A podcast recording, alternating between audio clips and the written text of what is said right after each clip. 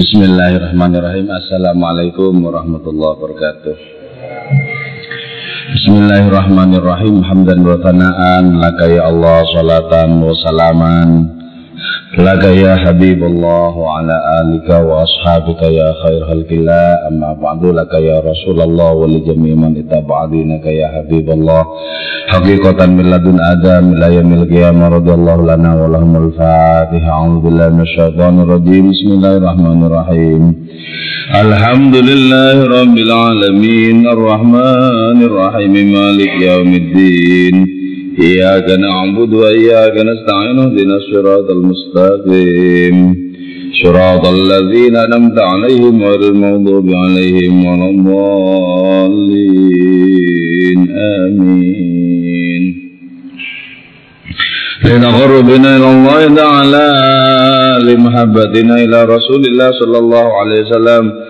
لسلامتنا في الدين والدنيا والآخرة لقضاء ديوننا لقضاء حاجاتنا من هوائج الدنيا والآخرة. تيسير أرزاقنا حلالا طيبا مباركا كثيرا وسعا لشهد جسادنا قلوبنا شأمراضنا ظاهرا باطنا دمع البلايا والمهن والفتن والأمراض الأسقام.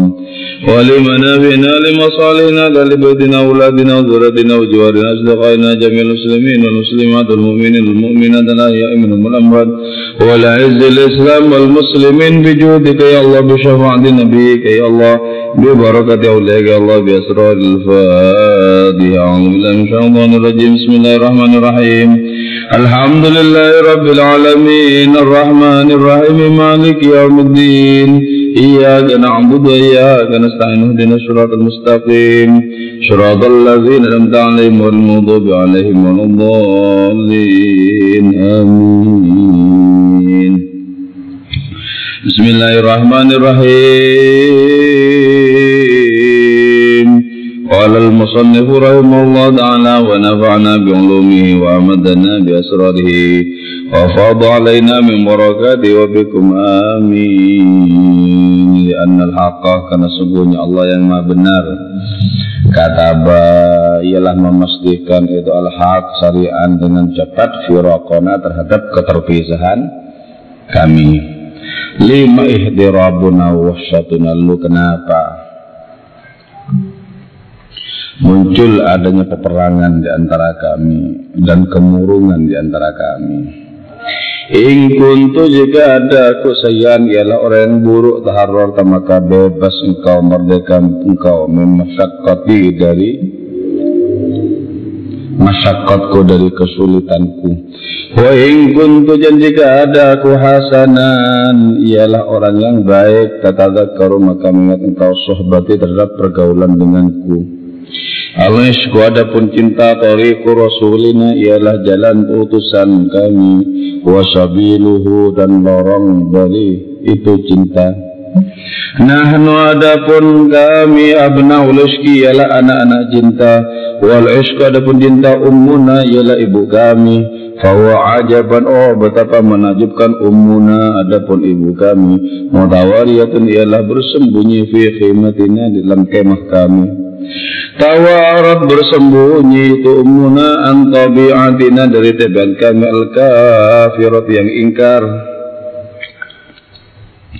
minal khamratil yakutiyati lantaran khamr al yakutiyati yang bersifat permata suara jadi jauharuna apa permata kami itu safian ila jernih Wakad nahat kasuna min jadina dan sungguh meratap kasuna. Apa gelas kami min jadina dari tangan kami?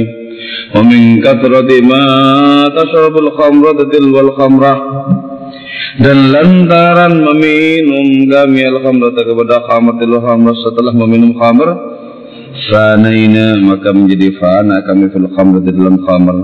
Wa faniyat dan fana al-khamr tabak khamr fina pada diri kami. Idza mitu bila telah mati aku fatu bi mayitan Fatu maka bawalah kalian bi terhadap kumaitan dalam keadaan mati. Wasallimuni dan serahkanlah ini kepadaku ila habibi kepada kekasihku. Wa in huwa qabbala syafaat dzabila wa in dan jika itu habibi kekasih qabbala mencium mengecup itu Habibi syafati kepada bibirku azabila yang layu Fahaya itu maka hidup aku Fala ta'ajibu maka janganlah ta'ajub kalian Ini kemarin kan berbicara tentang setiap orang yang memeluk agama kami, memeluk mazhab kami, yaitu agama cinta, mazhab cinta. Maka orang akan menyaksikan seratus ruh terbebaskan dari jasad kami. Jadi orang yang agamanya itu agama cinta akan menyaksikan ruh segala sesuatu yang bergabung dengan kehadiran Allah Ta'ala di mana-mana. Jadi antara sesuatu yang bersifat bendawi dengan ruh sesuatu itu itu sangat jauh berbeda. Jasad kita hanyalah seonggok bayang-bayang dari ruh kita. Sedangkan ruh kita asal usul dari mana jasad kita belajar tentang kehidupan.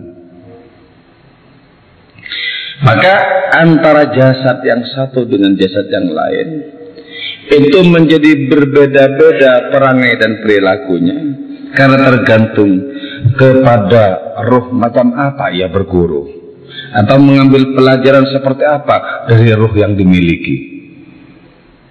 Jadi ketika kita menyaksikan jasad itu teringkus oleh ruang oleh waktu, ruh dengan leluasa bisa menembus kedua-duanya. Karena itu orang yang hidupnya ruh bisa berjumpa dengan orang yang sudah ribuan tahun silam. Orang hidupnya sekarang dipandu oleh ruh akan mudah berdialog dengan orang-orang di masa lalu. Akan mudah berdialog. Kenapa? Karena waktu itu tidak bisa ditembus hanya oleh jasad kita ruh kita sebagai bayang-bayang kehadiran Allah Ta'ala sebagaimana Allah akan menembus ruang, akan menembus waktu. Jadi pada setiap jasad ya dari diri kita, kalau kita menganut agama cinta, kita akan menyaksikan pada seratus jasad, pada satu jasad itu ada seratus ruh. Itu perbandingan kualitas maksudnya ya. Kalau kita katakan misalnya begini, satu langkah jasad itu minimal langkah roh seratus kali lipatnya. Bahkan bisa sampai ribuan kali lipatnya langkah roh kita dibandingkan dengan langkah jasad. Yeah. Dan setiap orang yang menenggak minuman kami, pastilah dia menjadi mabuk. Yang di yang dimaksud dengan agama cinta itu agama yang sepenuh-penuhnya membuat orang berpihak kepada Allah Taala. Dia tinggalkan sebutir debu pada dirinya ditinggalkan demi keberpihakan yang tuntas dan mutlak kepada Allah Maha Kekasihnya. Orang yang menenggak minuman kami, minuman apa? Sepertinya inilah minuman paling berjaya. Tenggak langsung menjadi mabuk. Itulah minuman yang dulu juga pernah ditenggak oleh para nabi, oleh para wali. Dari mana mereka menjadi sepenuh-penuhnya berpihak kepada Allah Ta'ala? Kalau tidak dari minuman cinta yang memabukkan ini. Inilah minuman cinta ilahiyat. Nah, pada setiap tindakan, pada setiap kebaikan yang kita kerjakan, di situ sesungguhnya ada bermangkok-mangkok minuman ilahiyat tapi sering kali gagal kita merasakannya. Di sholat ada bermangkok-mangkok minuman cinta. Zikir ada bermangkok-mangkok minuman cinta. Ketika kita tak sepenuhnya berpihak kepada Allah Ta'ala, kita memikirkan yang lain. Dan pada saat memikirkan yang lain, kita tidak akan bisa menenggak dengan sepenuhnya minuman cinta itu. Dan karena itu, gagal kita untuk menjadi mabuk.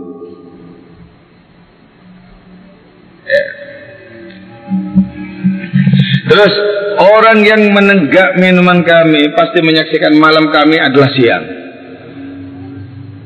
Apa maksudnya malam kami siang? dimensi yang paling kelam dari diri kami, maka akan menjadi terang benderang sebagai kebenaran, terang benderang sebagai sesuatu yang layak untuk diperjuangkan, terang benderang sebagai kehadiran ilahi.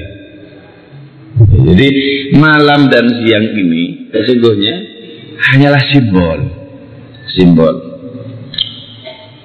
Malam itu adalah simbol bagi orang-orang yang tidak menyaksikan cahaya ilahi dan siang itu adalah simbol bagi orang yang hidup dalam cahaya petunjuk Allah Ta'ala. Tapi ada orang yang oleh Allah Ta'ala diberi kesanggupan untuk bertahta di balik malam, di balik siang. Terbebaskan dari malam, terbebaskan dari siang. Malam dan siang itu simbol dari adanya sifat Allah Ta'ala. Ada sifat, ada ridho, ada sukhtun, ada murka. Coba ya, ada hadis Nabi menyebutkan begini. Jabalun bimakkata kana alaihi arsyur rahman hina la laila wa nahara. Ada sebuah gunung di Mekah yang menjadi istana bagi Allah yang Maha Pemurah ketika sudah tidak ada malam, tidak ada siang. Hina la laila wa la nahara. Ketika tidak ada malam, tidak ada siang. Artinya apa? Siang dan malam ini tetap saja merupakan lonceng kebaharuan yang berdentum-dentum tentang kefanaan. Maka siapa pun yang berada di bawah ruang lingkup siang dan malam pasti akan musnah oleh waktu. Kekasih-kasih Allah Ta'ala terbebaskan batinnya dari sergapan siang dan malam.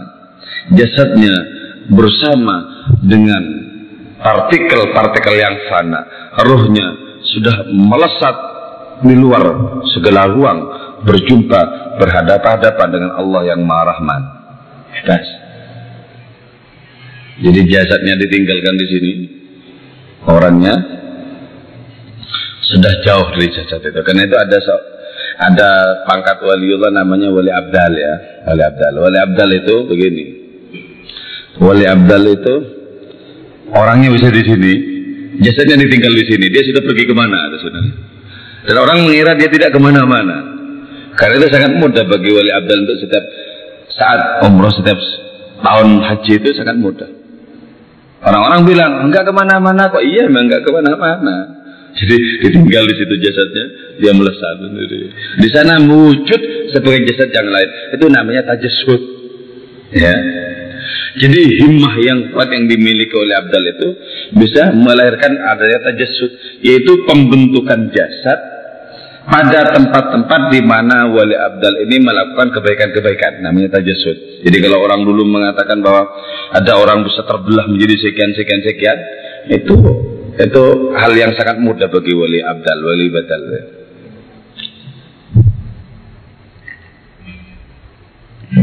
Nah karena alasan ini, ini kenapa sebabnya? Kok kemudian setiap orang yang menenggak minuman kami menjadi mabuk, orang itu kemudian menyaksikan malam kami sebagai siang. Oke, saya kembali kepada hadis tadi lupa ya. Hina la laila wala nahara. Ada sebuah gunung kelahiran Mekah yang merupakan istana bagi Allah yang Maha Pemurah ketika tidak ada lagi malam maupun siang. Jadi tidak ada malam maupun siang berarti orang itu sudah bisa menembus asal usul malam, menembus asal usul siang, menembus segala sesuatu yang kontradiktif, menembus segala sesuatu yang berseberangan berlawanan. Coba, bukankah asal usul api sama persis dengan asal usul air? Sebagaimana asal usul malam sama persisnya dengan asal usul siang. Asal usul barat adalah asal usul timur juga. Kalau terjadi kontradiksi yang seperti itu, karena memang nama-nama Allah Ta'ala itu antara yang satu dengan yang lain tidak sama. Bahkan antara yang satu dengan yang lain ada yang kontradiksi. Kemudian melahirkan suasana, melahirkan makhluk-makhluk yang kontradiktif. Dari mana datangnya peperangan? Gitu kan? Kalau tidak dari perbedaan nama-nama Allah Ta'ala yang menggarap alam semesta ini. Andaikan Allah menggarap semesta hanya dengan satu nama, maka akan seragam seluruh isi semesta. Kalau cuma menggarap dengan satu nama. Andaikan Allah Ta'ala menggarap umat manusia dengan namanya Al-Hadi, semua manusia pasti beriman. Nggak mungkin tidak. Nah, Nabi kita itu sampai kepada asal usul segala yang kontradiktif.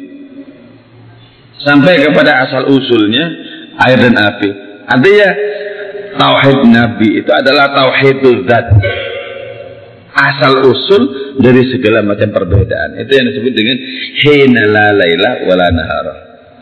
Ketika kita bergetar tidak hanya oleh kebaikan tapi juga oleh keburukan, hati kita menjadi istana bagi Allah Taala. Menjadi istana. Ketika kita menemukan Allah Ta'ala pada segala yang baik juga pada segala yang buruk, hati kita bisa menjadi istana bagi Allah Subhanahu wa taala. Ketika kita riang saat menemukan penderitaan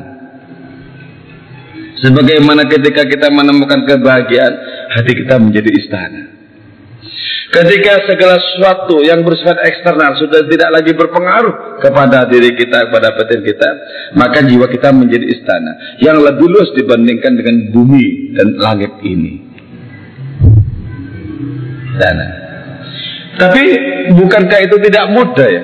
Untuk tidak terrecoki, untuk tidak terpengaruh oleh faktor-faktor eksternal. Oh kita tanpa tahu sebabnya apa kok tiba-tiba bisa kita murung kok. Ya, nggak tahu sebabnya apa tak cari-cari juga nggak jelas. Terus tanpa tahu sebabnya kita kemudian senyum-senyum dari mana nggak tahu juga. Kalau kita gampang terpengaruh oleh sesuatu yang tidak jelas apalagi oleh yang jelas. Kalau masih gampang terpengaruh seperti itu, bagaimana mungkin hati bisa menjadi istana yang bisa menampung kehadiran Allah Taala? Nah, jadi hanya orang yang ma'rifatul yang jannatul zat, yang tauhidul zat itulah orang yang batinnya bisa menjadi istana bagi Allah Subhanahu wa taala. Itulah yang kemudian dihadiskan oleh Kanjeng Nabi Muhammad sallallahu alaihi wasallam. Ma wasa'ani ardi wala samai langit dan bumiku tak sanggup menampungku. Walakin yasa'uni qalbu abdil mu'min. Tapi hati seorang hambaku yang sungguh beriman sanggup menampungku. Jadi bagi orang yang seperti ini, yang sanggup menampung Allah Ta'ala itu, siang dan malam tidak berpengaruh, sebagaimana aja kenikmatan dan bencana tidak berpengaruh. Langit di luar, langit di dalam, kata Hendra sama saja. Keberuntungan dan bencana sama saja. Nah, kalau sudah seperti itu, berarti batinnya itu menjadi sangat luas. Cakrawala, samudra bisa jatuh ke dalamnya dan hati itu masih bisa menampung apa saja yang lainnya lagi. Luas. Li'annal haqaq. Nah, kenapa kemudian kok terjadi? terjadi kegoncangan, terjadi huru hara, kerinduan yang tak tertahankan, cinta yang membara. Kenapa? Li'annal haqqa kata basari an firaqana karena Allah Ta'ala memastikan bahwa kita mesti berpisah. Jadi agama itu adalah bagaimana menekuk jarak sehingga keterpisahan itu kemudian bisa dibuhulkan lagi, bisa disambungkan lagi. bisa. Dulu kita tidak pernah memanggil ya Allah tidak pernah. Kenapa? Karena tidak ada jarak. Ketika jarak tidak ada, untuk apa diperlukan panggilan? Ya Allah, kenapa? Dulu ketika kita di alam lahut, di alam jabarut, dulu ketika kita masih bersanding dengan para nabi dan wali, ketika waktu itu seluruh desah nafas rohani kita adalah kehendak Allah Ta'ala secara murni. Waktu itu kita tidak memanggil karena memang tidak ada jarak. Tapi memang sengaja ditakdirkan, diciptakan jarak oleh Allah Ta'ala. Untuk apa? Untuk mengetahui siapa yang paling kuat melesat, cepat melesat kepada panggilan hadiratnya. Sayup-sayup, kitab-kitab suci diturunkan. Dan kita masih belum bisa membangun ingatan bahwa dulu kita pernah menyatu. Ketika kitab suci, kitab suci itu diturunkan, ketika disampaikan oleh para nabi, Sesungguhnya mereka dalam rangka menyadarkan kita bahwa kita pernah dulu sangat dekat dengan Allah Ta'ala. Bahkan kita dikandung oleh Allah Ta'ala. Nah, karena itu kemudian limah tirabuna wahsyatuna. Itulah sebabnya alasan kenapa terjadi kegembaran, terjadi kemurungan, terjadi rindu yang sangat menderu dan cinta yang sangat menyiksa. Nah, kabar lau kepada rindu yang menderu tidak sampai, kepada cinta yang menyiksa tak sampai. Bagaimana orang bisa terbang menghadap kepada Allah Taala? Orang terbang itu dibutuhkan adanya energi dan energi paling kuat paling sekrat adalah rindu dan cinta.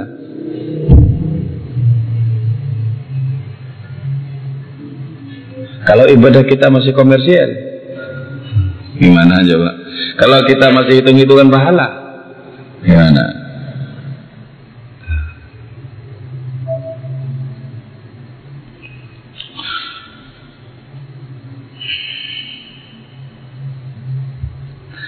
Terus kata Maulana Rumi itu Pak. In kuntu sayi'an taharor tamin masyakoti. Hmm. Kalau aku sekalian menjadi orang buruk yang bangsat, kau terbebas. Terbebas dari apa? Terbebas dari kemasyakotan-kemasyakotan, kenakalan-kenakalan. Terbebas dari ceracau-ceracau rindu cinta dari saya. Karena sekalian saya orang buruk. Tapi karena saya orang baik, gitu, tidak boleh tidak kau mesti mengenang persahabatan denganku. Iya. Ini diungkapkan kepada siapa? Kepada Allah Ta'ala. Ya Allah, kalau saya orang buruk, mungkin tidak usah kau pikirkan, tidak usah kau perhitungkan. Kau lupakan saja, gak masalah. Tapi karena saya orang baik, maka tidak boleh tidak kau mesti menang persahabatan dengan saya dulu itu. Karena tariklah aku kepadamu ya Allah. Ketika orang sudah mulai berasa bersahabat dengan Allah Ta'ala Orang baru merasakan Bahwa dia mencapai nikmat dalam setiap ibadahnya Itu karena ditemani oleh Allah Ta'ala. Andaikan sholat kita tak ditemani oleh Allah Ta'ala Tidak ada sedikit pun rasa nikmat dalam sholat. Ketika kita nikmat dalam sholat Itu karena kita ditemani. Allah Ta'ala berfirman Kau yang menghadap kepadaku, ku temani ya engkau agar mesra engkau menghadap kepada aku. Temani. Allah yang mutlak itu dengan sabar menemani keterbatasan keterbatasan makhluknya yang terbata-bata. Temani. Kita yang belajar mengucapkan syahadat ditemani. Kita yang belajar untuk setia ditemani. Kita yang belajar untuk nikmat beribadah ditemani oleh Allah Taala.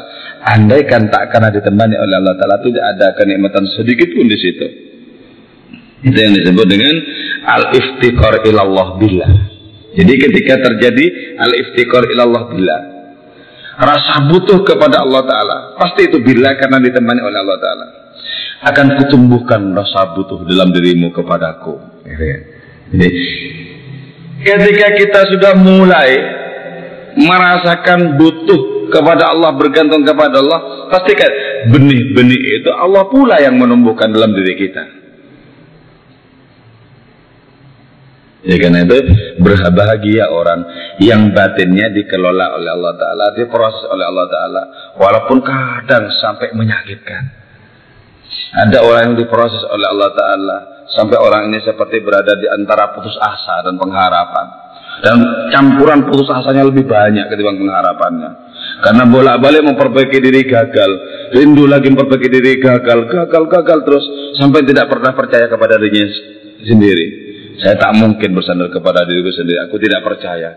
Bolak balik dari dulu memperbaiki diri sendiri gagal juga, gagal lagi, gagal lagi. Ketika sudah tidak ada kepercayaan seutas tali pun kepada dirinya sendiri dan diserahkan sepenuhnya kepada Allah Taala, saksikan keajaiban-keajaiban yang dikirimkan oleh Allah Taala kemudian. Perolehan-perolehan menjadi sedemikian banyak. Justru ketika kita sadar kita tidak bisa berbuat apa-apa. Itu ya falsafahnya la haula wala quwata illa billah di situ sebenarnya. La haula tidak ada kekuatan untuk menolak buruk. Wala quwata tidak ada kekuatan untuk melakukan baik illa billah kecuali dengan pertolongan Allah. Jelas. Karena itu kalau orang sudah mengalami la haula wala quwata illa billah, dia pasti menyaksikan dirinya itu tidak ada. Menyaksikan dirinya tidak memiliki peran. Itu kalau mengalami la haula. Beda dengan membaca la haula. Ya. Kalau membaca la haula belum tentu mengalami la haula. Beribu kali dibaca la haula wala quwata illa billah, belum tentu orang mengalami la haula. Sebagaimana ribuan kali kalimat tahlil la ilallah dibaca, belum tentu mengalami la ilaha illallah. Jadi yang kita inginkan apa? Allah mengenang persahabatan dengan diri kita. Ketika dulu kita tidak berjarak, ketika dulu menjadi bagian dari para nabi para wali, ketika dulu sepenuh-penuhnya keberadaan diri kita adalah nafas Allah Taala kenanglah, kenanglah. Nah, perkara mengenang ini kemudian yang dipakai oleh orang-orang untuk bertawasul kepada orang-orang suci. Bertawasul kepada orang suci.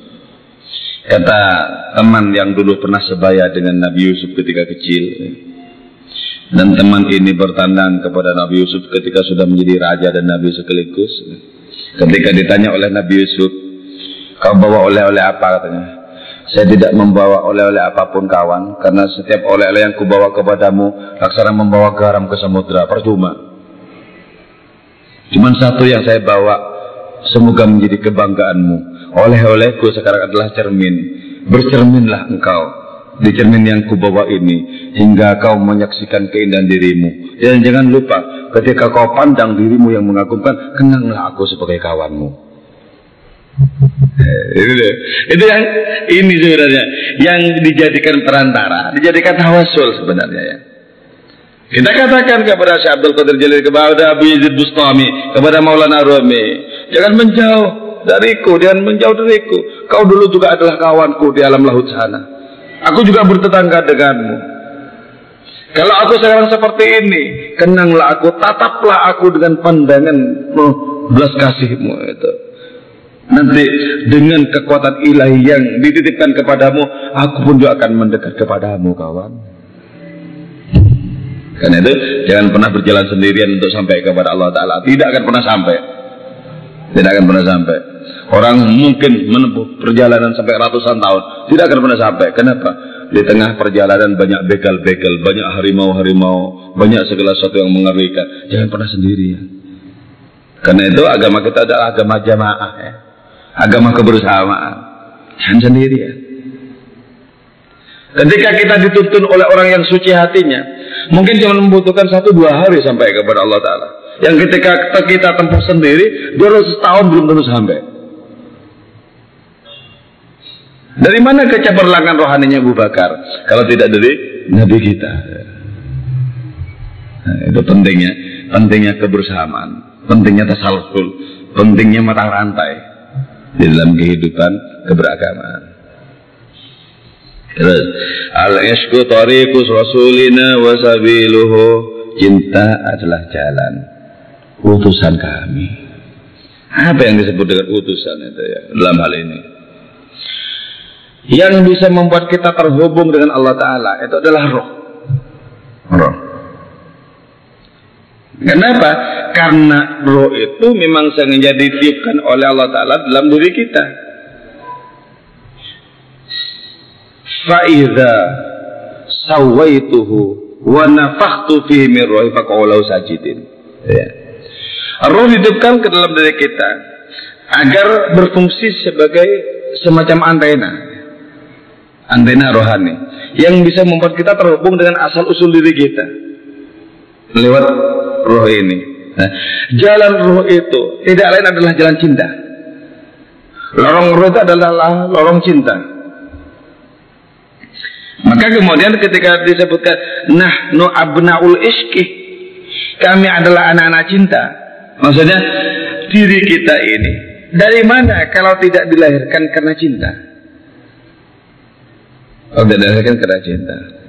Dan ya hadis kursi yang menyatakan bahwa kita itu dilahirkan dalam karena cinta. Nah ini juga dilahirkan karena cinta. Kuntukan zan makhfian. Aku adalah kekayaan yang tersembunyi. Fauhibbu an u'raf, maka aku cinta untuk dikenal. Falidzalik khalaqtul alam, karena itu aku menciptakan alam ini. Jadi nada dasar penciptaan kita itu adalah cinta. Maka jalan paling efektif untuk sampai kepada Allah Ta'ala adalah jalan cinta. Jalan cinta. Cinta itulah yang bisa menekuk ruang, yang bisa menembus waktu. Cinta itulah yang membuat kita merdeka. Karena dengan cinta, seorang budak bisa lebih merdeka dibandingkan dengan tuannya.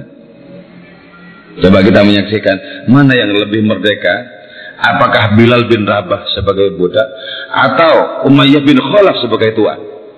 Lebih merdeka siapa? Lebih merdeka Bilal. Bilal. Sahabat Nabi berkulit hitam kebangsaan Afrika. Tapi hatinya jauh lebih putih ketimbang kulit paling putih mana pun di dunia.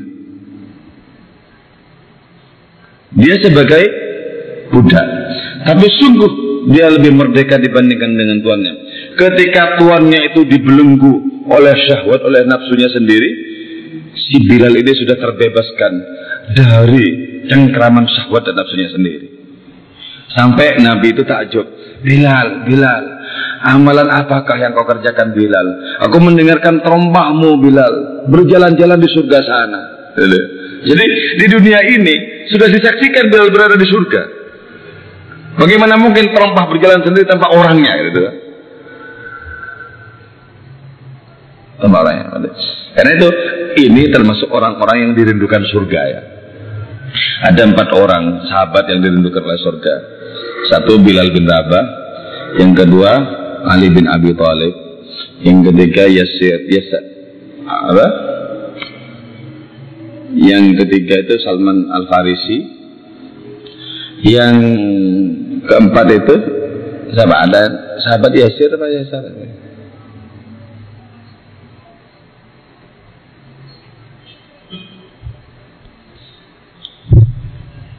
Bilal bin Rabah, Ali bin Abi Talib, Salman al Farisi, Ammar bin Yasir, ya empat, Ammar bin Yasir disebutkan oleh surga.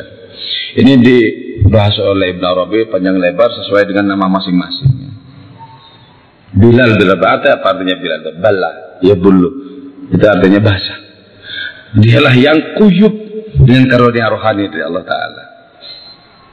Bayangkan, Bilal itu gimana kau bisa jadi sahabat Nabi itu? Itu seorang budak sebenarnya. Seorang budak dari Afrika sana dijual, dijual, dijual, dijual makin jauh, makin jauh nyampe di di Mekah itu dijual bukan hanya second itu bukan Mendatangkan ke berapa? Sudah banyak sekali dah.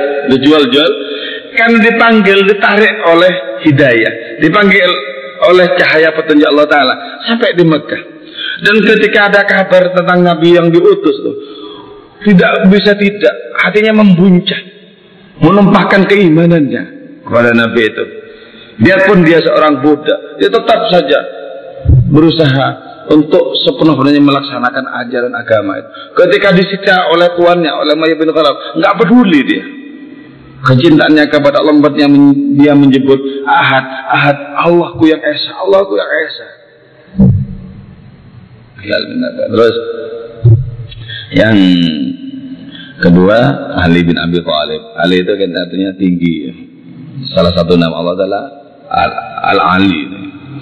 Karena beliau lah yang tidak pernah sekalipun menyembah berhala walaupun lahir di zaman jahiliyah. Beliau itu lahir di dalam Ka'bah. Di dalam Ka'bah bukan hanya di sekitarnya.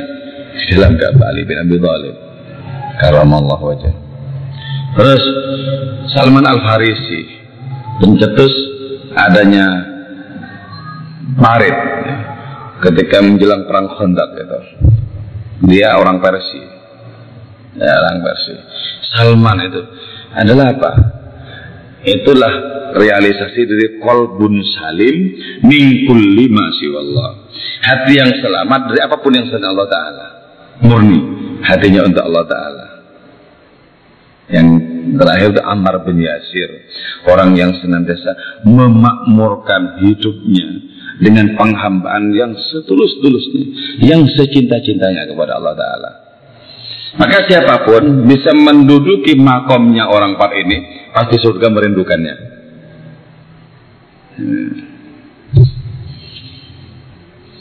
Nahnu abna'ul iski kami adalah anak-anak cinta wal isku ummuna. Sementara cinta itu adalah ibu kita. Termasuk ibu kita biologis itu. Itu melahirkan kita dengan penuh cinta. Merawat kita, ngasih makan, kita ngewoi, kita macam-macam itu. Itu dengan penuh cinta. Tidak ada pamrihnya sama sekali. Sebab yang sangat banyak dititipi oleh Allah Ta'ala sifat cinta di kalangan makhluk itu adalah ibu. Paling banyak dititipi oleh Allah Ta'ala sifat cinta itu ibu. Jadi sesungguhnya kita semua ini adalah anak-anak cinta, terutama adalah anak-anak cinta ilahiyat.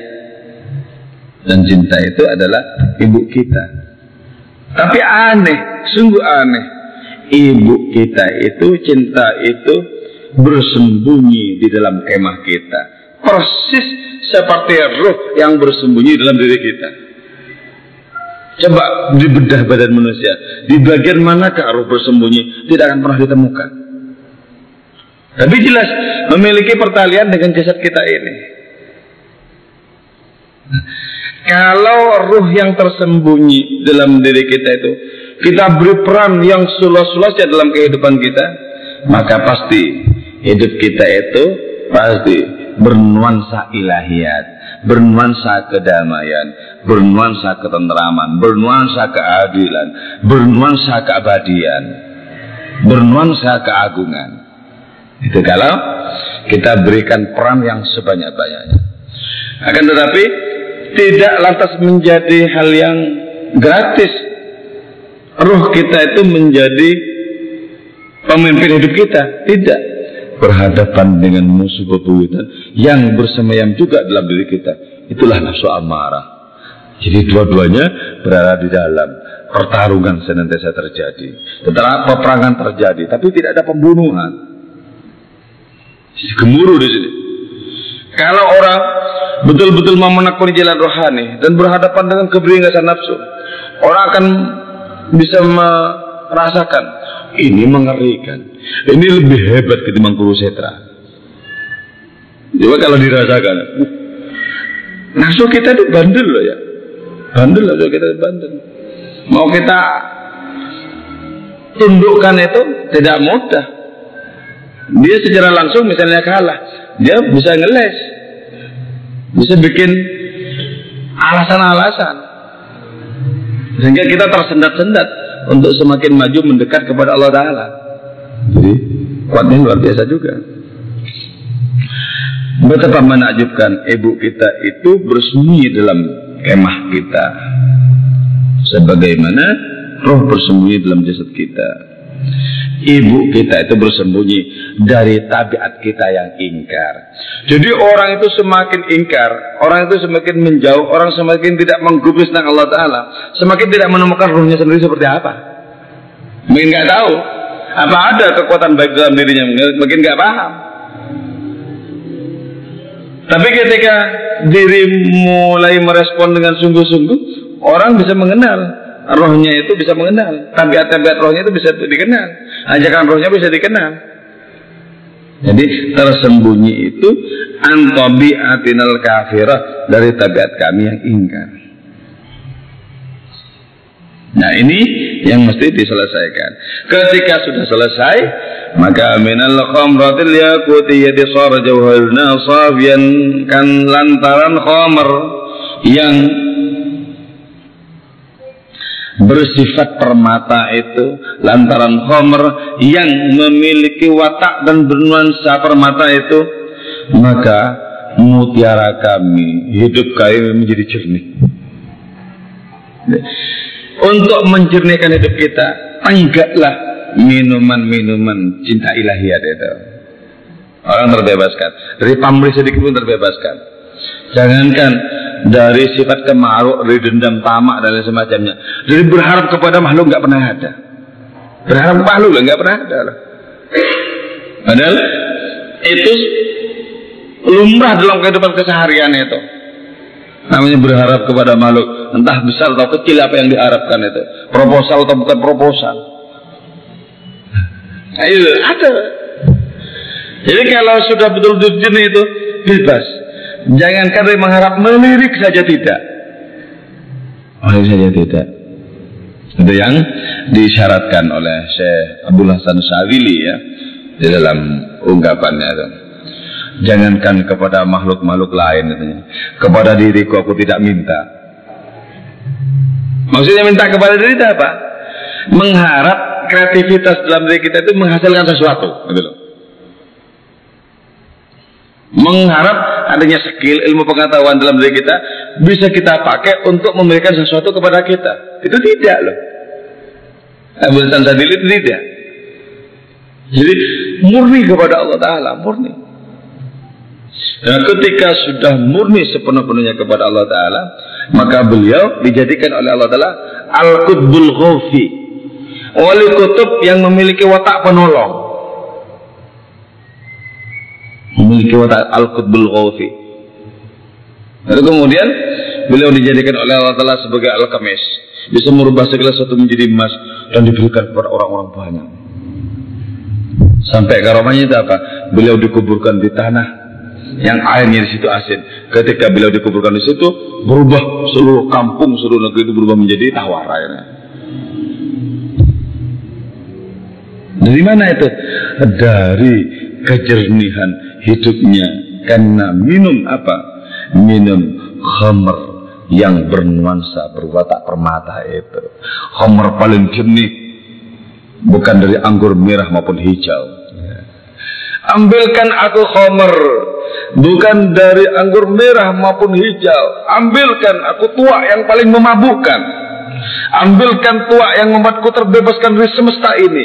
Ambilkan, ambilkan. Ketika sudah habis gelasku, tuangkan lagi, tuangkan lagi. Agar menjadi sempurna, agar menjadi seksama percintaanku dengan mahadiratnya. Jadi, sehingga dengan demikian utusan-utusan itu, utusan-utusan atau sarana-sarana yang dipakai oleh Allah Taala untuk mengantarkan adanya khamr itu, untuk mengantarkan adanya minuman paling jernih, minuman cinta ilahi itu, utusan-utusan itu menjadi sangat berarti, bermakna.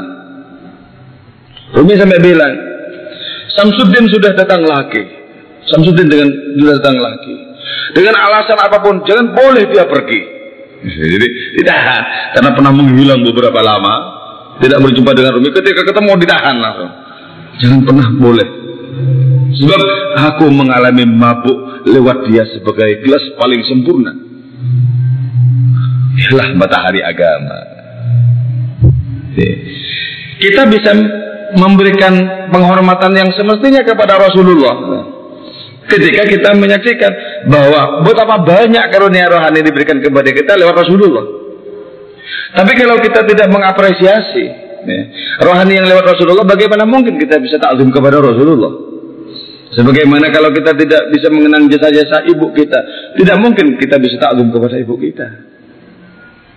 Itu, itu yang disebut dengan Rasul, utusan-utusan sarana-sarana yang dipakai oleh Allah Ta'ala menjadi sedemikian berharga. Kenapa? Karena nikmat-nikmat yang dibawanya sangat berharga.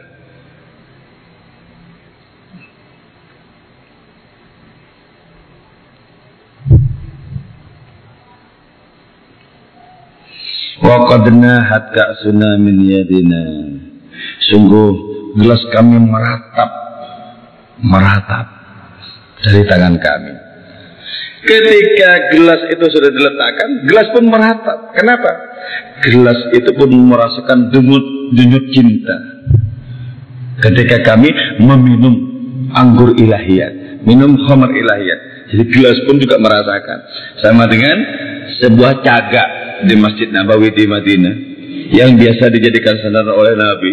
Ketika Nabi dibikinkan mimbar oleh para sahabat, kemudian Nabi berceramah di mimbar karena sahabat-sahabat sudah semakin banyak semakin banyak mengeluh ternyata. Mengeluh. Jaga ini. Nabi kenapa kau tinggalkan aku? Kenapa aku tidak jadi sandaran lagi? Suruh gelas yang meratap ketika sudah terbebaskan. Lepas dari tangan seorang pecinta termasuk juga puisi-puisi meratap Tidak ada makhluk yang paling kubenci melebihi puisi kata Maulana Rumi. Tapi ketika tidak aku tulis puisi, malaikat-malaikat datang kepadaku. Tulislah puisi, bacakan puisi. Puisimu adalah santapan bagi kami para malaikat. Jadi karena itu kerjakan segala sesuatu atas nama cinta. Atas nama cinta. Tapi hati-hati dengan pesidonya, hati-hati dengan dengan palsuannya, yaitu nafsu. Ya. Hati-hati. Itu kalau menyamar sangat ampuh nafsu itu menyamar sebagai cinta ampuh. Cara membedakan gimana? Ketika nanti ternyata ada pamrih, nafsu berarti. Ketika ada rasa tamak untuk memiliki nafsu. Cinta membebaskan tapi tidak membiarkan.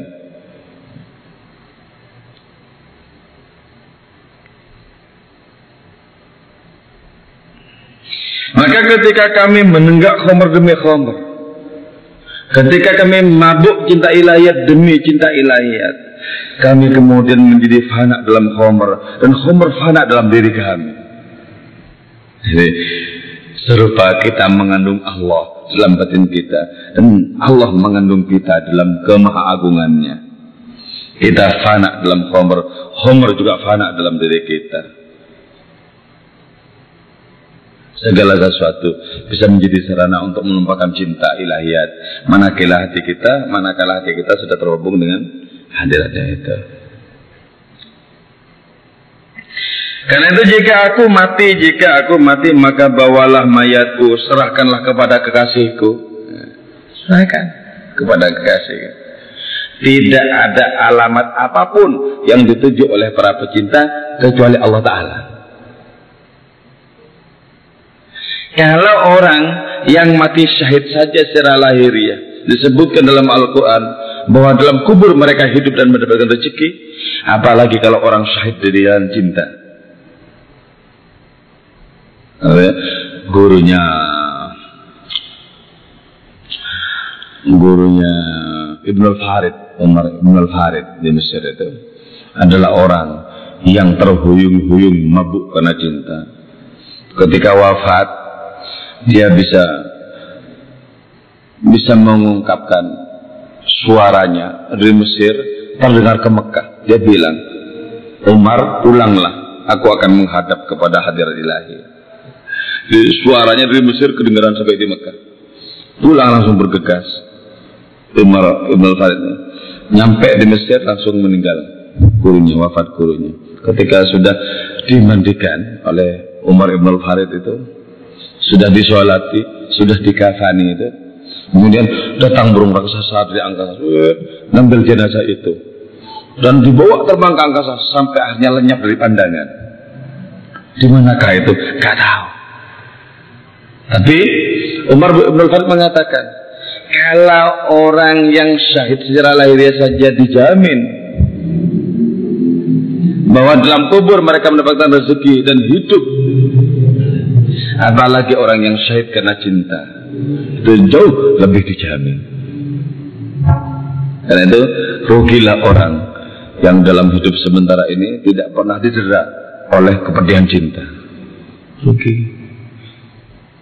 Rugilah orang yang tidak bisa merasakan bahwa sakit cinta adalah kenikmatan yang setiap orang tidak ingin lepas darinya.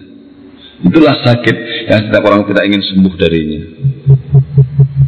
tambahkan sakit lagi, tambahkan sakit lagi. Sebagaimana seorang yang mabuk meracau, ambilkan homer lagi untukku, ambilkan homer lagi untukku.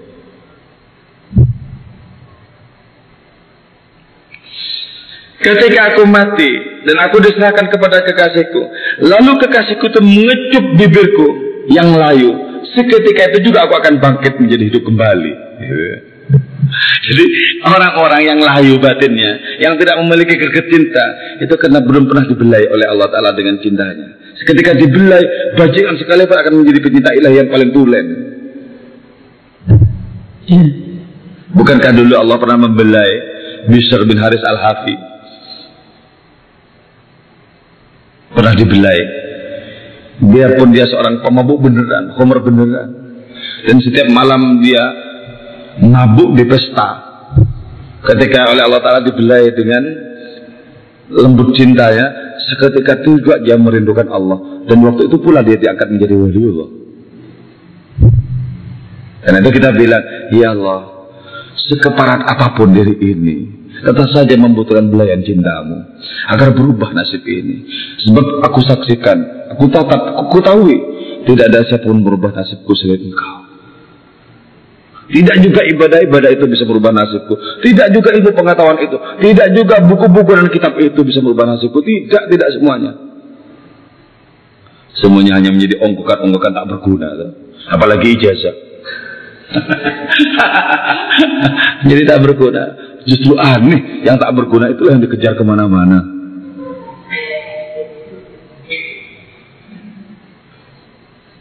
Oke, okay. ini sudah satu, dua, tiga, empat, empat baik. Oke, okay, saya kira ini. Ayo, kalau ada yang mau ngomong, silakan.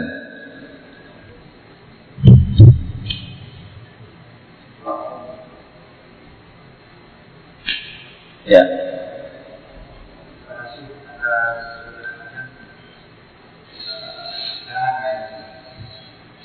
Semoga berbekas.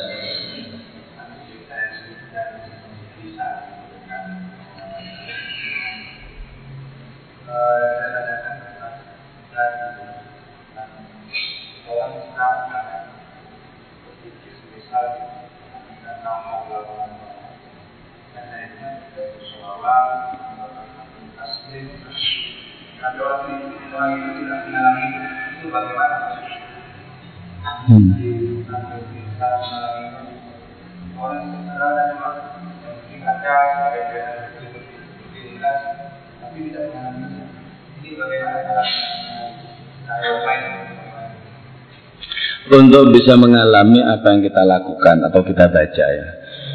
Orang melakukan sholat tidak sama dengan orang mengalami sholat. Sebagaimana orang berzikir, membaca zikir, tidak sama dengan orang yang merasakan dan mengalami zikir. Yang terpenting itu bagaimana bisa mengalami. Itu dengan cara mempertajam, membuat sehat lidah rohani. Caranya gimana? Lidah rohani biar sehat. Berpuasalah dari tertarik kepada yang lain.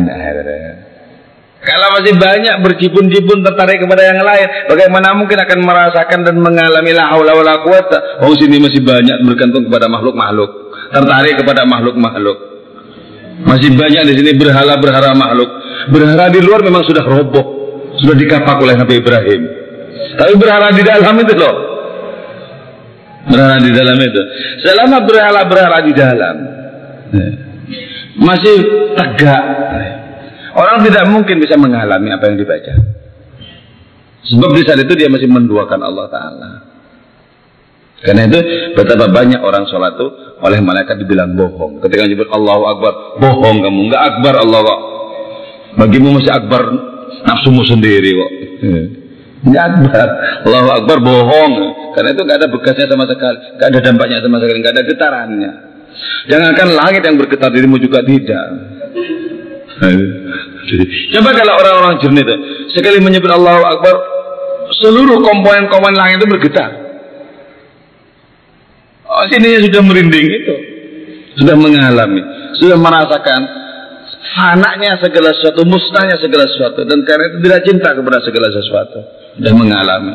Bagaimana mungkin tidak bergetar?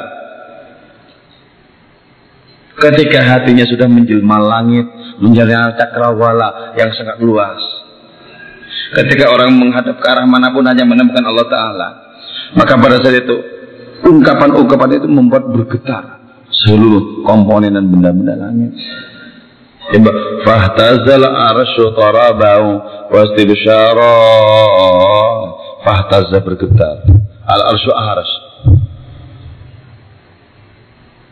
Taraban wasti besara dengan senang dan riang gembira. Itu padahal cuma menjelang Nabi lahir belum lahir loh. belum lahir, Nabi belum lahir loh bergetar benda-benda langit. Apalagi lahir Nabi terus Nabi berzikir, apa tidak? Kita mungkin tahlilan sampai riba, la diem semuanya benda langit. Kenapa? Hatinya sendiri juga diem kok.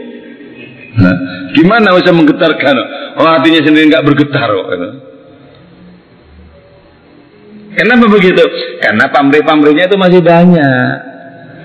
Melirik yang lain masih terlalu sering. Tertarik kepada selain Allah masih banyak. Gak mungkin bisa. Jadi lidah rohaninya tumpul. kalau lidah rohani tumpul sebagaimana lidah jasad ini, kita minum air pahit katanya. Lidah yang sakit kok pasti pahit air mineral itu pahit. Pahit. Kayak orang sakit tuh, mau ini enggak, mau itu enggak. Jadi belum sehat. Sehat. Jadi karena itu belajar untuk berpuasa, untuk tidak tertarik kepada apa pun yang selainnya. Singkirkan dari dalam hati kita, ayo keluar keluar ini bukan tempatmu, keluar keluar keluar. Diusir. Kalau memang kita laki-laki, usirlah. Ya cukup cukup dari dalam hati kita. Minggir, minggir, minggir. Ya. Nah, oh, nggak diusir malah mendatangkan kawan-kawannya. Wah, masuk, masuk. Oh, lain suruh masuk ke dalam. Oh, makin bertempuk-tempuk sebagai gudang segala sesuatu yang lain. Ketika cahaya Allah Ta'ala mau datang, balik dia. Kenapa? Oh, banyak banyak yang menghuni nggak suka. Balik. Jadi sebenarnya petunjuk Allah Ta'ala itu setiap saat itu mencari orang. Nyari orang. Cuma ketika menemukan orang itu hatinya sudah penuh dengan yang lain, mundur dia. Sebab apa? Tidak mau diduakan. Aku muh kalau di kalau di madu model begini nggak mau. Diduakan, ditigakan, nggak mau, mundur. Kembali kepada asal usulnya. Jadi sebenarnya tidak terlalu sulit kok ya tinggal buang saja gitu kan. Karena itu kata al-halal itu cuman dengan dua langkah orang bisa jadi waliullah. Yang langkah yang pertama membuang ketertarikan kepada dunia ini dan isinya. Langkah kedua membuang rasa tertarik kepada akhirat dan isinya. Selesai. Sampai kepada Allah. Yang pertama ini yang berbelit-belit langkah yang pertama ini. Ya, berbelit-belit Maunya itu senang ini, senang itu, senang ini, senang itu. Karena itu apa? Bid'ah terbesar dalam kehidupan itu apa? Cinta materi. Bid'ah terbesar. Jadi bukan bukan tahlil, bukan ziarah kubur, cinta materi gitu. Bid'ah terbesar. Ketika materi berbondong-bondong ke dalam hatinya atau diam-diam lanjutkan kuliah, dosen semacamnya, bayangnya kelak itu nasibnya bagus. Sama saja itu hubudun ya Rasulullah khotiatin. Sama saja. Bagaimana mungkin bisa benih, benih cinta bisa tumbuh gitu ya? Ah, mesti kita ada babnya bab itu. Ya, ya. Oke, okay,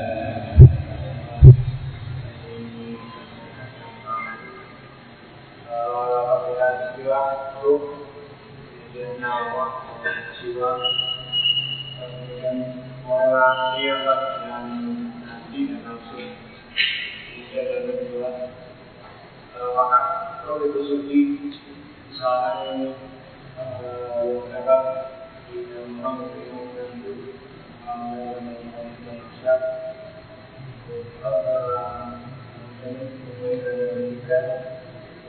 ketika orang itu meninggal itu yang kita zaman itu yang dicabut itu itu nanti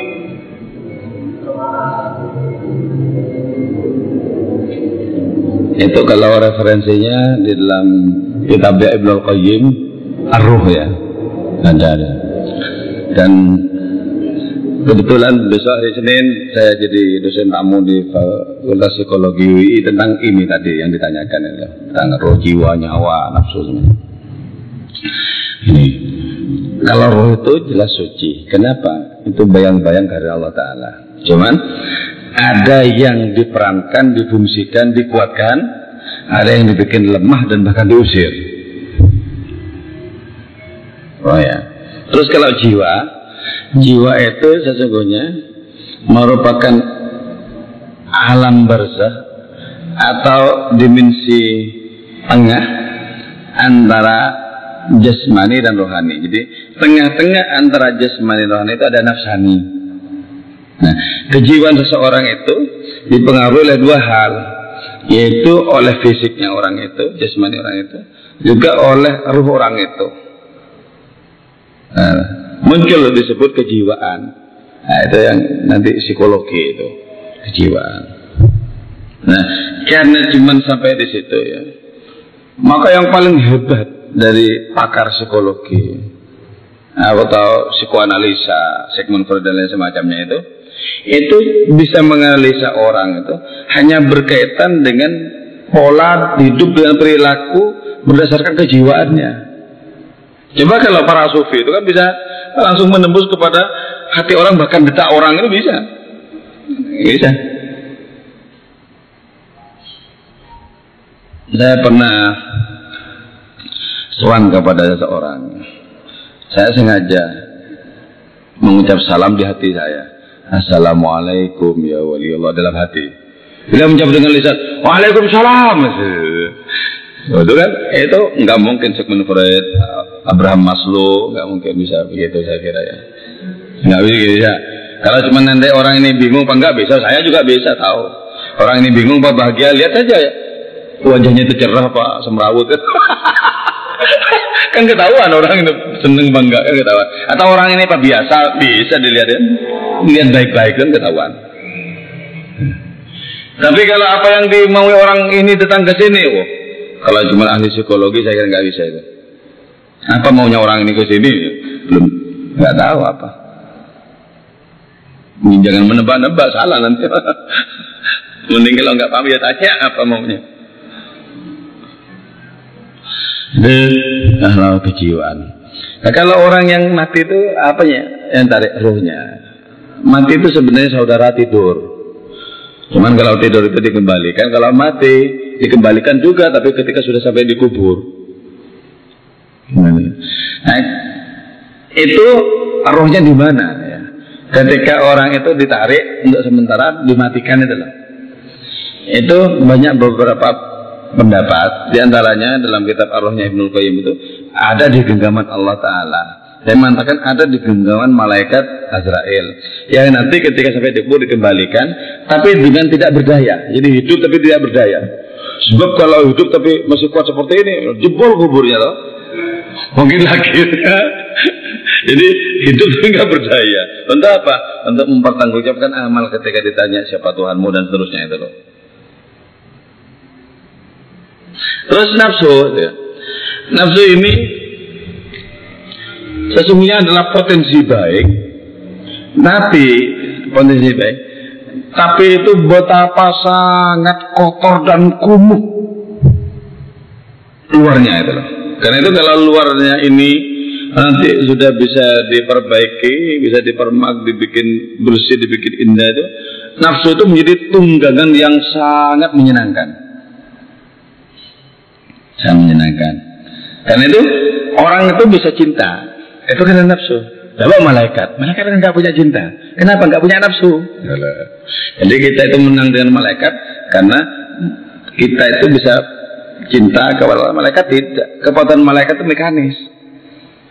Suruh sujud sampai kiamat sujud nggak pernah angkat-angkat lagi. Jadi kan kan tidak menarik. Kalau kita kan bisa membangkang bisa berbuat dosa bisa sholat juga bisa. Ngakali orang juga bisa. Eh bebas kita tuh mau apa aja bebas.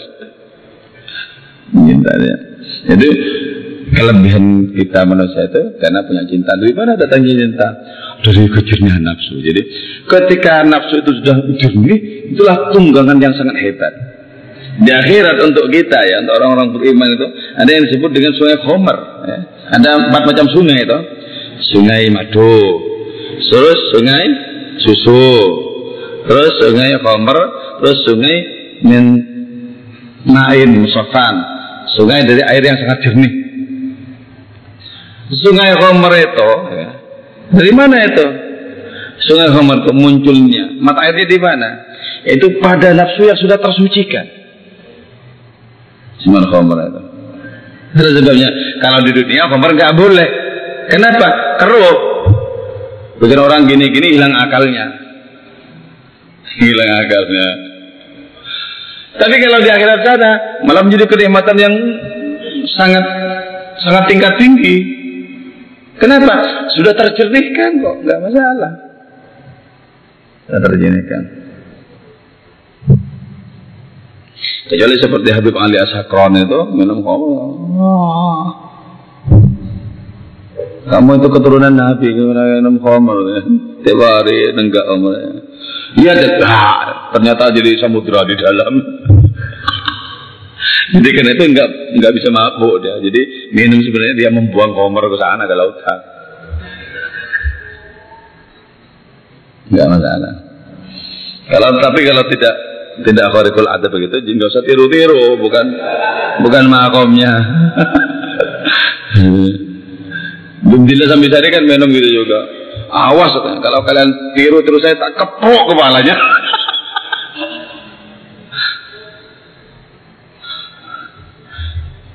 ya, ya, jadi ya nyawa. Laut nyawa itu ya ini nih nyawa ini. Nyawa, nafas itu. Nyawa. Ini sebagai simbol tanda dari hidup. Ketika roh dicabut ini pun juga tidak ada.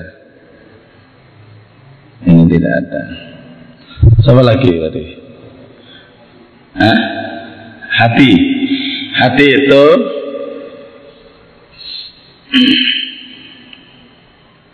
hati itu medan peperangan ya. antara roh dan nafsu.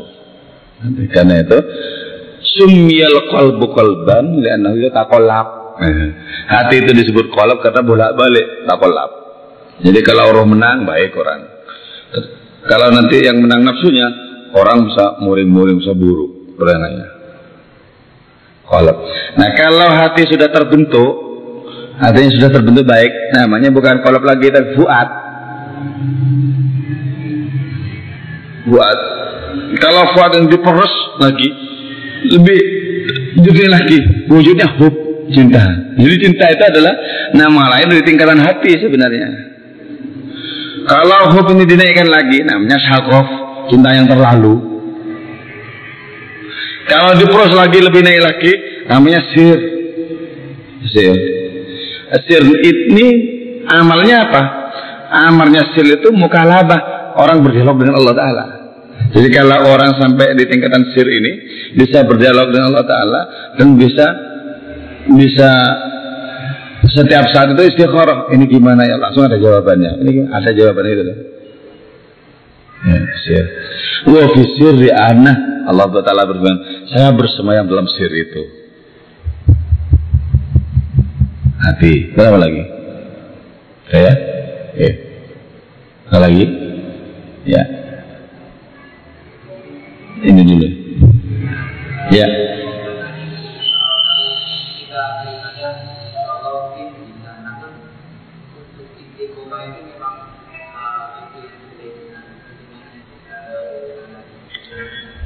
Iya, oke. Okay. Istiqomah ya sulit memang karena itu anugerah terbesar Allah Taala kepada kita itu adalah istiqomah. Istiqomah itu lebih mulia ketimbang seribu. Istiqomah.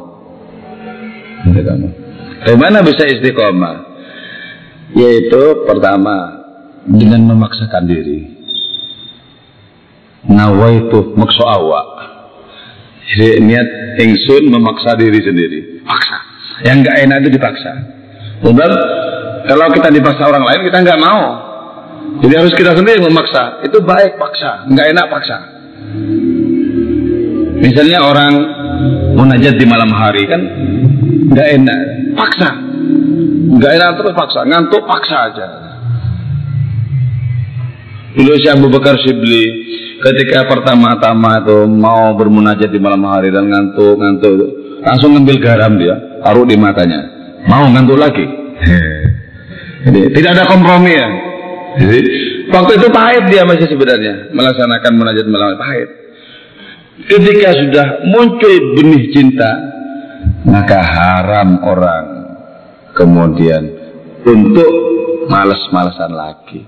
Artinya kalau sudah tumbuh benih cinta orang itu akan sergap semangat pasti semangat semakin kuat cinta seseorang semakin ditabrak segala rintangan itu. Hmm. jadi untuk istiqomah itu gimana? Bikinlah rasa senang dengan sedikit istiqomah. Tidak usah ada orang nyuruh kalau waktu itu kalau sudah senang itu pasti berangkat sendiri. Serupa anda senang pada perempuan gak usah disuruh ngapelin. Sudah tahu di mana alamatnya dan kapan mau datang. Sudah tahu eh. bahkan suruh pulang sama akosnya yang nggak mau karena senang gitu. jadi dibikin rasa senang Gimana bisa senang? Ya, bisa melihat itu sebagai kenikmatan. Bisa melihat itu sebagai karunia. Nah, itu cara-caranya. Tapi yang menumbuhkan senang itu, menumbuhkan cinta itu murni Allah, murni Allah. Allah lah pemilik segala cinta. Karena cinta itu adalah sifat Allah Ta'ala. Senang. Kalau sudah senang, kan sini istiqomah. Coba anak-anak dulu yang pernah mondok, santri-santri di pondok itu ya. Malam bangun tahajud, sampai senang. Itu kalau sudah tidak tahajud sekali saja, itu penyesalan luar biasa. Oh Allah. Ketika santri, ketika sudah kuliah, kabur itu semua. Nah. Jadi ternyata beda kenikmatannya. kalau masih pondok, nggak tahajud semalam saja, oh, penyesalan. Tapi kalau tahajud itu seneng, waktu pagi seneng banget. Ya, kalau udah seneng itu biasanya dengan sendirinya orang istiqomah. Tidak ya? Iya. Ya,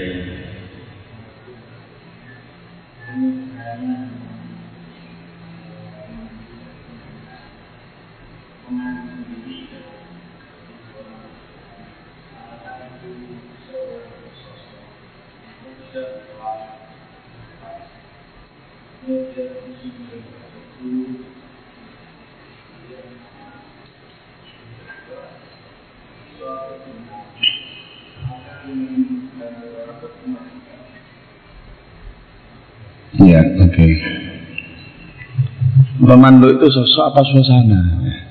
Sosok apa suasana? Pertama-tama itu sosok ya, sosok. Sampai akhirnya muncul tumbuh pohon cinta dalam hati. Ketika sudah muncul pohon cinta, itu suasana bisa mempertegas adanya pohon cinta di dalam. Ini yang pertama-tama sosok itu yang terpentingnya. Sosok. Karena itu Nabi membimbing para sahabat dengan sosok Nabi sendiri. Nah, ketika Nabi sudah hidup di hati para sahabat, ditinggalkan gak masalah. Kalau guru kita sudah hidup di dalam diri kita, guru kita wafat gak masalah. Kita katakan, oh bersemayam di sini, itu apa aku bersedih kan itu kan? Kenapa aku bersedih? Kan bersemayam di sini ada. Karena itu kalau di dalam kitab kata Yakulu Zeratus Ra itu lah gitu. Zeratus Ra-nya Nietzsche itu loh. The Spoke dari Sustra itu. Dia disebutkan. Engkau akan menemukan aku justru ketika engkau menampikku. Artinya menampik sebagai sosok berarti sudah menemukan di sini makna hakikinya. Jadi pertama-tama sosok. Hati-hati kalau berguru kepada yang bukan sosok. Maksudnya jin nanti itu. nah itu. Pada jinnya bernama Jibril. Nanti dikira malaikat Jibril seperti Laidin itu. Itu memang jinnya bernama Jibril. Dikiranya malaikat Jibril diutus oleh Tuhan. Kemudian dia bilang, saya perguruan dengan Nabi Muhammad. Wah, lihat saja wajahnya kan kelihatan.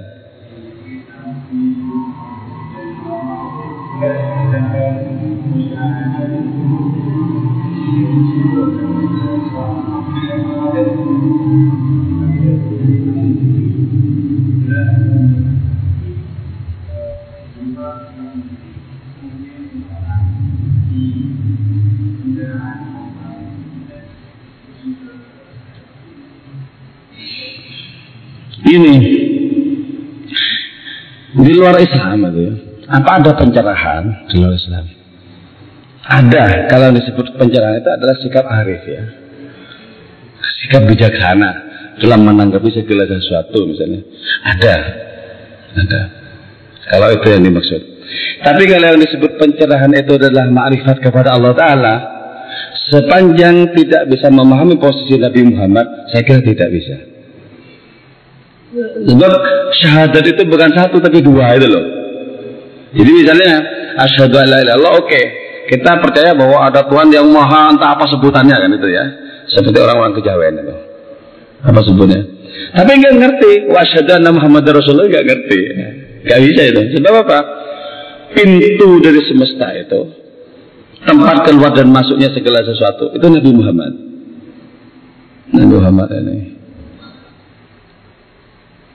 Dan itu kemudian diformulasikan dalam Islam bahwa apa yang dimaui oleh Tuhan itu modelnya begini begini begini begini begini. Lewat Muhammad ini. Lewat Muhammad ini. Sementara misalnya mereka misalnya katakanlah saudara-saudara kita di luar Islam misalnya ya. saudara itu nah, itu ingkar apa menamping Muhammad sulit itu. Nggak bisa ya nggak bisa kalau cuma maksudnya itu pencerahan itu adalah sikap arif gitu. Ya. tidak gampang emosi jadi ya. seperti itu paus apa itu ya ya setiap agama bisa melahirkan itu setiap agama bisa melahirkan itu eh, di situ yang jadi yang jadi persoalan kalau perspektifnya Islam itu di situ asyhadu anna Muhammad Rasulullahnya inilah ya, ya. Sebab kalau memang gini, ya, yakin beriman kepada Tuhan, kepada Allah misalnya. Kalau otomatis harus beriman kepada firman-firmannya. Firmannya ini memerintahkan untuk beriman kepada Nabi Muhammad. Hele. Ya, Misalnya yakin kepada Tuhan, kepada Allah. Ya. Itu nggak bisa mengabaikan Nabi Muhammad. Sebab itu sudah satu paket dalam syahadat itu. Satu paket. Nah kecuali kalau perspektifnya bukan Islam, misalnya, ya nggak masalah. Kalau perspektifnya bukan Islam, misalnya yang penting hidup di dunia ini berbuat baik kepada sesama, bisa tolong menolong, nggak masalah kalau perspektifnya bukan Islam. Kalau Islam tetap nggak bisa. Ya, yang kedua apa ya?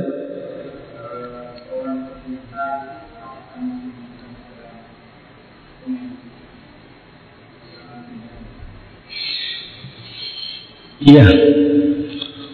Itulah sebabnya kenapa Nabi sebagai pecinta paling ulung, paling agung, kenapa kok harus Allah mengutus Jibril barang gitu?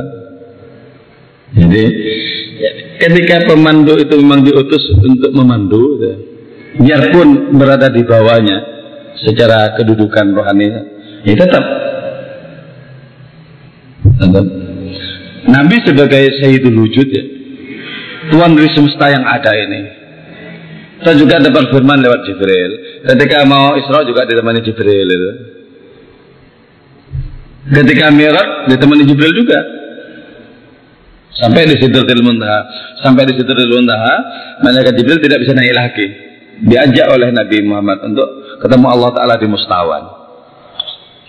Beliau menjawab, "Lau taqaddamtu syibran lah taraktu." Kalau aku naik satu jengkal, aku akan terbakar Muhammad. Sebab di sana tempatnya cinta dan peleburan dan aku tidak memiliki keduanya. Tetap cinta ya tetap Walaupun orang cinta tetap harus mengikuti Quran, hadis. Kecuali kalau orang gila karena sudah tidak punya aturan. Kalau orang cinta tetap Kul in kuntum tuhibbun Allah fattabi'uni. Katakan Muhammad kalau kalian itu mencintai Allah ikuti aku bilang gitu aja. Enggak bisa kita bebas di begitu begitu enggak bebas. Ya kalau aku cuma cinta Allah Taala, tetap enggak bisa. Formatnya enggak begitu formulasi. Oke? Okay? Ya, ada lain lagi?